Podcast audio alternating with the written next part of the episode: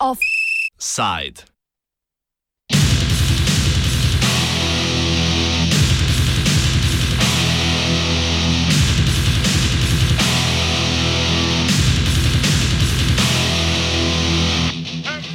Pustite jim dihati.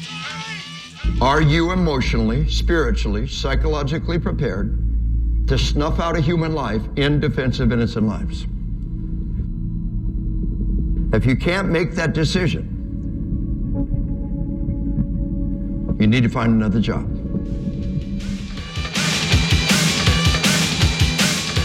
Posnetek, ki ste ga pravkar slišali, ne prihaja z kakšnega informativnega dneva ameriške vojske.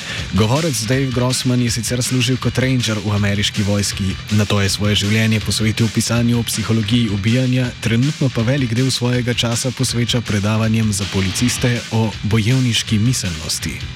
Naj anekdota služi kot pripomoček za boljše razumevanje miselnosti, ki je na zadnje privedla do umora Georgea Floyda, sicer osumljenega poneverbe bankovca za 20 ameriških dolarjev. Protesti, ki so umoru sledili, so eni največjih v ameriški zgodovini. Do dobra pa so prestrašili tudi predsednika Donalda Trumpa, ki se je po nekaterih navedbah v petek za nekaj časa skril v bunker Bele hiše. Gre za največji ukrep za predsednikovo varnost po 11. septembru 2001.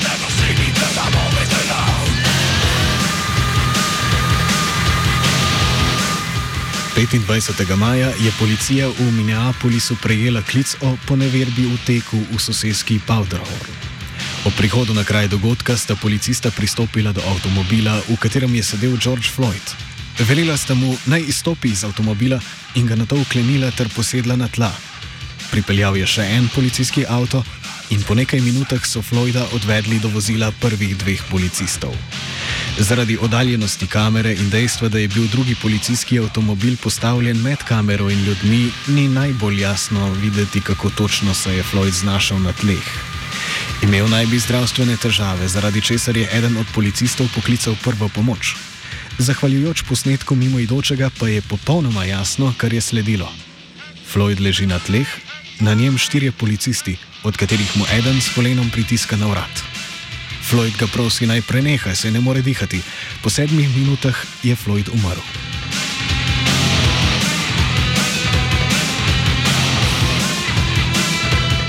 Naslednji dan se v Minneapolisu začnejo protesti. Množica se združi pod geslom I can't breathe, ne morem dihati. Po dveh dnevih demonstracij župan Jacob Frey razglasi izredno stanje in upokliče nacionalno gardo Zvezdne države Minnesota. Protestniki poleg mnogih drugih stavb zažgejo tudi policijsko postajo v Minneapolisu. Stanje spominja na leto 1992, ko je, glej ga zlomka, sodišče oprostilo policiste, ki so brutalno pretepli rodnija Kinga, kar je sploži, sprožilo hude izgrede v Los Angelesu, ki so se končali z upoklicem nacionalne garde in tudi navadne vojske. Proteste je sprožil tudi omor Trevona Martina leta 2012, kar je med drugim vodilo do ustanovitve gibanja Black Lives Matter. To pa je širši mednarodni javnosti postalo znano o protestih zaradi umora Michaela Browna leta 2014. Razliko med omenjenimi in sedanjimi demonstracijami izpostavi aktivist Karl Roberts. This is the first time in these kinds of protests. Uh, there, there was the Baltimore uprising a couple years ago where a similar thing happened after police uh, killed a black man in custody. Um, and there, it was it was pretty heavily focused explicitly on charging the police with murder uh, and ending the violent police situation in the city. And this time in the protests, you're seeing more targeted attacks of businesses, right? Like window smashing and so on. Um, there's been a lot of reports that are that are relatively anecdotal, but still there of black-owned businesses in Minneapolis, in the neighborhoods where there's uh, rioting, uh, going through unscathed. Businesses that have community ties going through unscathed, and it's the big box stores, the stores that you know you go to any suburb in the U.S. you can find. Those are the ones who are being hit, and that's a change. That's especially a marked change from the LA riots in '92 when it was just widespread and the community really the community attacked members of the community right and that that doesn't seem to be happening nearly as much this time that's also been the case in dc um, where they they broke some windows at the Ronald Reagan Institute. So, and on top of that, we're seeing a bunch of graffiti that we we've not seen in these kind of protests before, like "Eat the Rich." Things like that, bringing in a, a bigger anti-capitalist sentiment um, that's really not been present in the past, and and the demands seem to be a bit a bit broader, right? The police are kind of a stand-in for the really bad social conditions in the U.S. Vredno je izpostaviti še eno razliko. Leta 92, pa tudi potem, so protesti večinoma potekali v kraju ali zvezdni državi, kjer je prišlo do incidenta s policijskim nasiljem. Tokrat pa so se po nekaj dnevih razširili na številna mesta po ZDA, med drugim na Los Angeles, Washington in New York, pa tudi na Aljasko in Havaje. The local ones tend to have names that are from the local place. Like the one here in Tulsa, we're protesting the murder of George Floyd by the police, but we're also protesting the murder of uh, Terrence Crutcher, who was killed by uh, police a few years earlier here in Tulsa.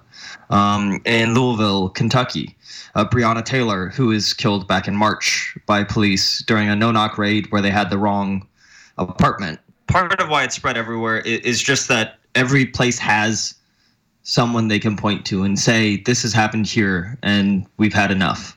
Um, but part of it too, I think, is is the broader social condition in the U.S. Right, something like forty percent of Americans lost their jobs in March and April. Uh, that number is the amount of people who are losing their jobs is going down. Um, but the largest job loss we ever had in a single week before the pandemic was about six hundred thousand people. Um, last week, the number had fallen considerably from the highest week, and it was something like 2.3 million people lost their jobs. So you have this combination of, of the social fabric just falling apart, right? People do not have jobs. These people are disproportionately people of color, especially black people.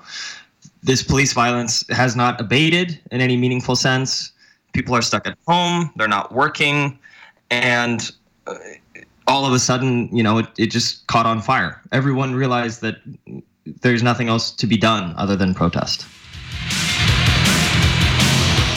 Protestniki so ponekod mirni, ponekod zažigajo avtomobile in ropajo trgovine, oči pa bode predvsem odziv policije. Čez vikend smo lahko na državnih omrežjih zasledili posnetek iz New Yorka, v katerem policijski avto meni nič, tebi nič zapeljal protestnike. V Washingtonu so skušali množico izpred Bele hiše razgnati s vzilcem, ki je za namene vojskovanja prepovedan Ženevsko konvencijo, ni pa prepovedan za uporabo nad civilnim prebivalstvom. Preprečiti se skuša tudi poročanje o dogajanju, saj so novinari pogosto tarča agresije policistov, od pršenja sozilcem do streljanja z gumijastimi naboji. Slišati je tudi govor, govorice o policistih pod krinko, ki skušajo zanetiti nasilje. I think the situation is really locally dependent if police are starting fights or, or going in in plain clothes and doing stuff to provoke other police. It's definitely happening. There's also definitely some people who are doing that themselves. There are some people on the left who see this as this revolutionary moment and are, you know, trying to increase tensions. There are people on the far right who either think this is a, a, chance to start the race war they've always dreamed of, or who think this is a chance to build a left right alliance against the police state. Um, and so there's a bunch of different actors that have an interest in raising tensions during protests, and, and the police are actively one of those groups of people you know, there's so many different videos that have come out where police are obviously using unnecessary force. Um, there's the police, the New York City police uh, actively driving over people who are just standing in front of their car. There's the police in Minneapolis who, saw some people standing in their doorway and shot at them after yelling at them to go inside. You know, they're in their doorway, right? They're on their own private property. This is like a sacrosanct thing in American culture that if you're in your home, the cops can't engage with you unless you're like shooting at them. And these people are just filming them from their porch and getting shot at. So like the the police are definitely part of the problem. Like you know they're getting riot gear on, and then they're going in with the mindset that we have to deal with this problem physically and with force, or it's not going to go away. Ker proteste vse prepogosto sproži izživljanje policistov nad temnopoltim prebivalstvom, sledi neposreden sklep, da gre za hude primere rasizma. To je sicer res, a ne smemo zanemariti dejstva, da predvsem temnopolte sosedske v ameriških mestih veljajo za najnevarnejše. Razloge, zakaj je temu tako, gre med drugim pripisati dejstvu, da so te iste sosedske tudi med najrevnejšimi. Komentira Michael Jumič, sodelavec radia študent iz Chicaga. Materialna realnost uh, najslabših črnskih četrti, samo v Chicagu. Sploh ne bi mogel opisati, to je res dobesedno vojna cona in tretji svet. In yes, the cops need to take more responsibility, ampak vsem, vsem je treba razumeti, koliko je to v resnici kozmetično napram uh, teh resnih strukturnih sprememb, ki se morajo zgoditi, da se bo kaj tukaj dejansko premikalo.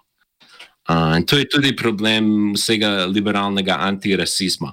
Ne, pač, yes, okay, reform cops, like new policies, fire 50 cops and hire another 50 cops. Razumeš, to je drobiš nek novo rundo takih New Society programs, Great Society programs, ki so jih američani namenili čancem v 60-ih. Kaj takega? Ne? To bojo, mislim, resno prizadevanje za, za spremembo položaja, položaja čancov bi od vlade in, in bi od dakoplačevalcev, bi od vseh nas terjali uh, takšne, takšne izdatke, toliko truda in, in to je res tako velikanski projekt in ja, shitty cops, racist asshole cops, uh, big problem. Ne zanikam, ampak uh, razumeš, ne? You, can, you can replace a handful of cops with other cops. You can change police policy, but the real problem is that black people, insurance v ZDA dobesedno živijo kot v tretjem svetu.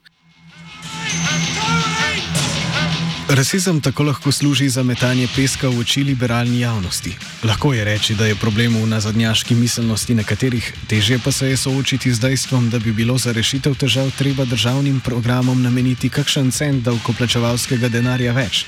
Še lažje pa je vzroke iskati zunaj. Prvi odziv na te, na te raje strani, recimo, levičarjev, je kaj?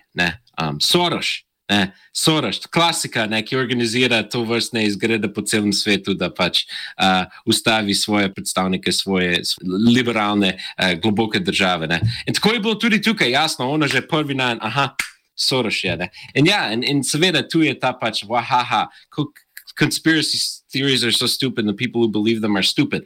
Ampak ne mine niti en dan, da Kamala Harris, bivša kandidatka za predsednico ZDA, Kamala Harris, uh, kaj izjavi? Da, dejan, da, da je prepričana, da za, za temi izgredi stoji Vladimir Putin in Rusija. Javno, za CNN je izjavila. Like, that's even fucking crazier. Zato ni nobenih dokazov, what the fuck, kaj Rusija. In tu več novinarjev za New York Times so tudi izjavili, da, pač, da, pač, da, da, da so pripričani, da Putin stoji za vsem tem. A to ni, to ni teorija. zarote ali kaj. Ne, ni, ker prihaja iz, pač, iz, uh, iz uh, formalno užigos, pač mislim, proper levih medijev. Ne.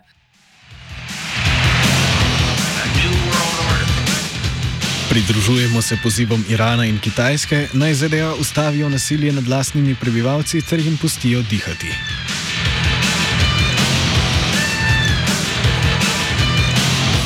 Offside je pregazil svetina.